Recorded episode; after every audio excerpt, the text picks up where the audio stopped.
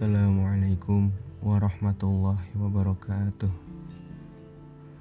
Alhamdulillahi Wabihi nasta'inu ala umurid dunia waddin Wassalatu wassalamu ala ashrafil anbiya'i wal mursalin. Wa ala alihi wa sahbihi ajma'in. Amma ba'd. Salawat dan salam semoga selalu tercurah kepada Nabi Muhammad Sallallahu Alaihi Wasallam beserta sahabat, keluarga dan para pengikutnya yang setia mengamalkan sunnah-sunnahnya hingga yaumil kiamat. Amin ya rabbal alamin. Kali ini saya akan berbagi sebuah kisah. Kisah yang patut dicontoh. Kisah seorang sahabat yang mulia. Sahabat Rasulullah yang berhijrah.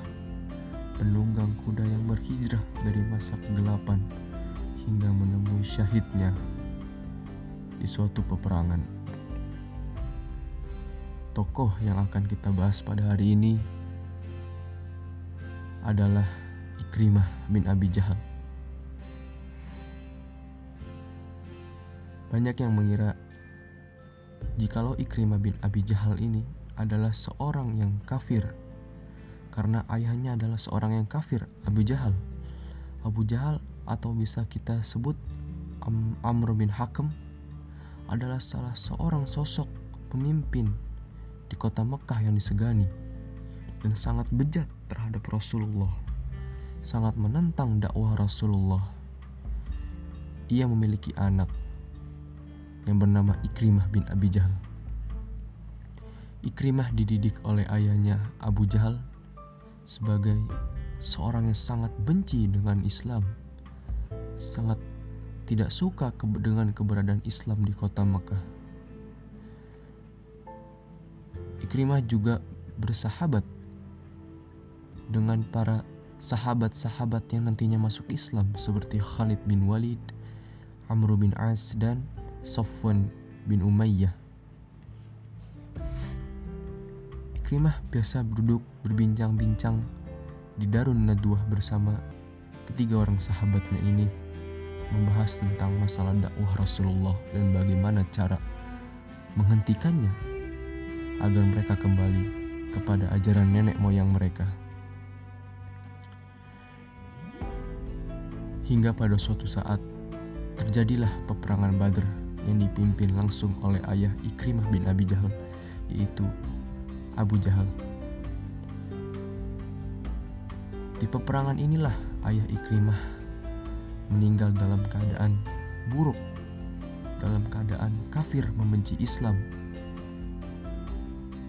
Ikrimah pun merasa sakit hati, merasa kecewa, merasa tidak puas, merasa kesal dengan apa yang didapatkan di perang Badr.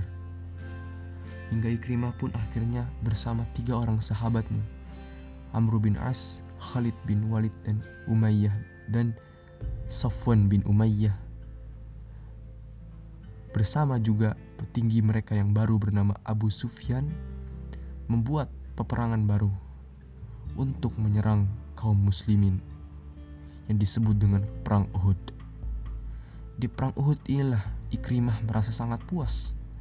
Ikrimah merasa sangat ingin membalas dendam dan dendamnya pun terbalas di perang Uhud ini atas kekalahan umat muslim. Selanjutnya peperangan yang diikuti Ikrimah bin Abi Jahal adalah peperangan Khandak atau perang Ahzab. Di peperangan inilah Ikrimah bersama tiga orang temannya loncat melom, melem, melompati parit yang sudah dibuat oleh kaum muslimin di Madinah. Tiga orang temannya ini adalah Diror, yang kedua Amr bin Wood dan yang ketiga adalah Ikrimah bin Abi Jahal.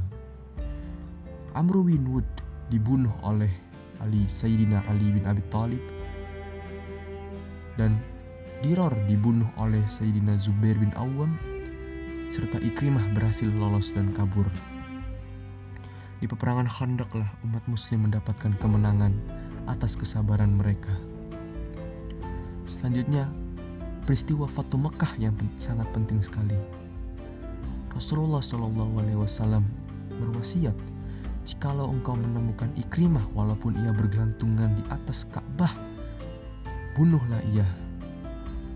Saat pasukan muslim sudah mulai masuk melewati gang-gang di kota Mekah dan ingin menuju Ka'bah untuk bertawaf, mereka melihat Ikrimah dan Ikrimah kabur. Sebelumnya Ikrimah sempat menahan pasukan Khalid bin Walid di bagian selatan Mekah dan menghadangnya bersama Safwan bin Umayyah tapi gagal. Ikrimah gagal menghadang pasukan Khalid bin Walid dan termakanlah beberapa korban dari orang-orang Mekah pada saat itu. Sehingga Ikrimah kabur pergi ke Jeddah. Dan ia mengikuti rombongan orang yang ingin menaiki kapal. Di saat itulah istri Ikrimah bin Abi Jahal bersyahadat di depan Rasulullah Shallallahu Alaihi Wasallam sehingga istri beliau Istri Ikrimah bin Abi Jahal berkata kepada Rasulullah, "Ya Rasulullah, berikanlah keselamatan kepada suamiku. Niscaya ia akan mengikuti ajaranmu ini." Lalu Rasulullah mengiyakan. Dan istri Ikrim dan istrinya Ikrimah pun mengejar Ikrimah ke pelabuhan Jeddah. Di sanalah Ikrimah mulai terluluh hatinya dengan Islam ia pun kembali ke kota Mekah dan bersyahadat di depan Rasulullah Shallallahu Alaihi. Keislaman Ikrimah pun mulai sejak saat itu. Ikrimah sering menangis saat membaca ayat Al-Quran. Ia sering teringat apa yang ia perbuat kepada Rasulullah Wasallam dan kaum Muslim lainnya. Ia juga sering teringat perbuatan yang dilakukan oleh ayahnya Abu Jahal laknatullah kepada Rasulullah Wasallam hingga Ikrimah pun selalu menangis saat membaca ayat-ayat Al-Quran.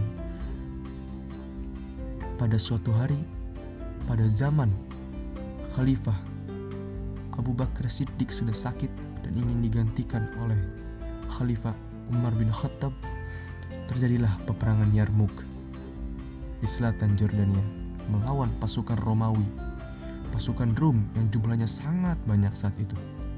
Ikrimah pun menjadi salah satu pasukan di kaum muslimin, prajurit di kaum muslimin pada saat itu.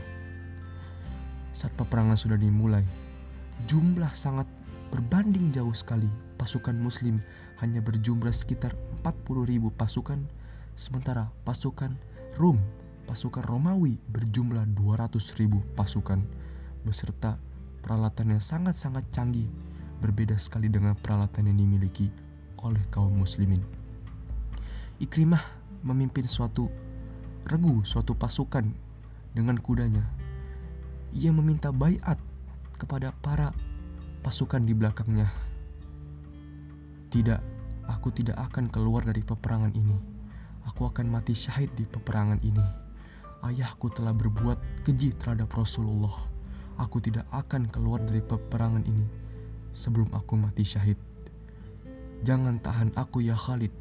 Ia berbicara kepada Khalid bin Walid. Ikrimah pun maju dengan kudanya saat Khalid bin Walid berteriak takbir. Ikrimah pun mengembuskan nafas terakhirnya di medan perang Yarmuk. Ia tercatat sebagai salah seorang syuhada di medan perang itu.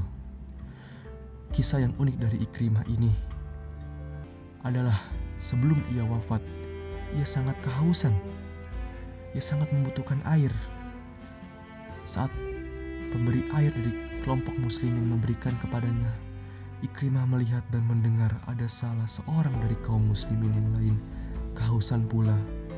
Ikrimah berkata kepada pemberi air itu, Wahai sahabatku, lebih baik engkau memberikan air ini terlebih dahulu kepada yang lebih membutuhkan.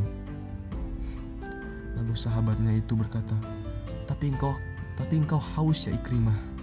Sebaiknya engkau minum seteguk saja Ikrimah bilang, tidak, tidak sahabatku, ada yang lebih membutuhkan dibanding aku. Lalu para pemberi air itu pergi ke, ke Ayas bin Robi yang sedang sekarat. Ayas bin Robi juga berkata seperti Ikrimah, ada yang lebih membutuhkan air ini dibanding aku. Lalu para pemberi air itu pergi menuju Haris. Sampainya di sana, Haris sudah menembus menghembuskan nafas terakhirnya. Lalu para pemberi air itu kembali kepada Ikrimah ia tidak sempat memberi air yang segar itu kepada Ikrimah seusai peperangan. Ikrimah juga menghembuskan nafas terakhirnya.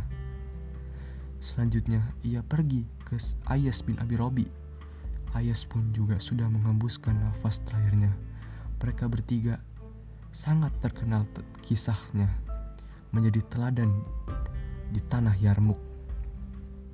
Dari kisah ini, kita dapat mengambil kesimpulan bahwa seorang kafir itu bahwa hidayah Allah itu luas.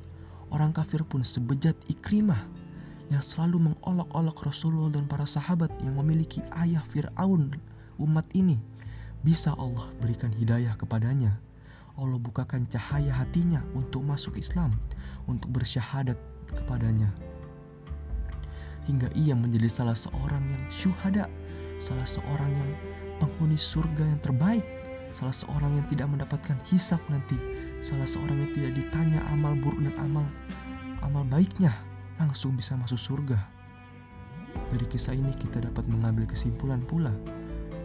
Kita dapat berubah lebih baik lagi. Ikrimah saja yang seorang kafir bisa berubah menjadi lebih baik, sedangkan kita seorang muslim kita harus bisa berubah menjadi lebih baik lagi. Sekian kisah sahabat dari dari saya. Kurang lebihnya saya mohon maaf. Assalamualaikum warahmatullahi wabarakatuh.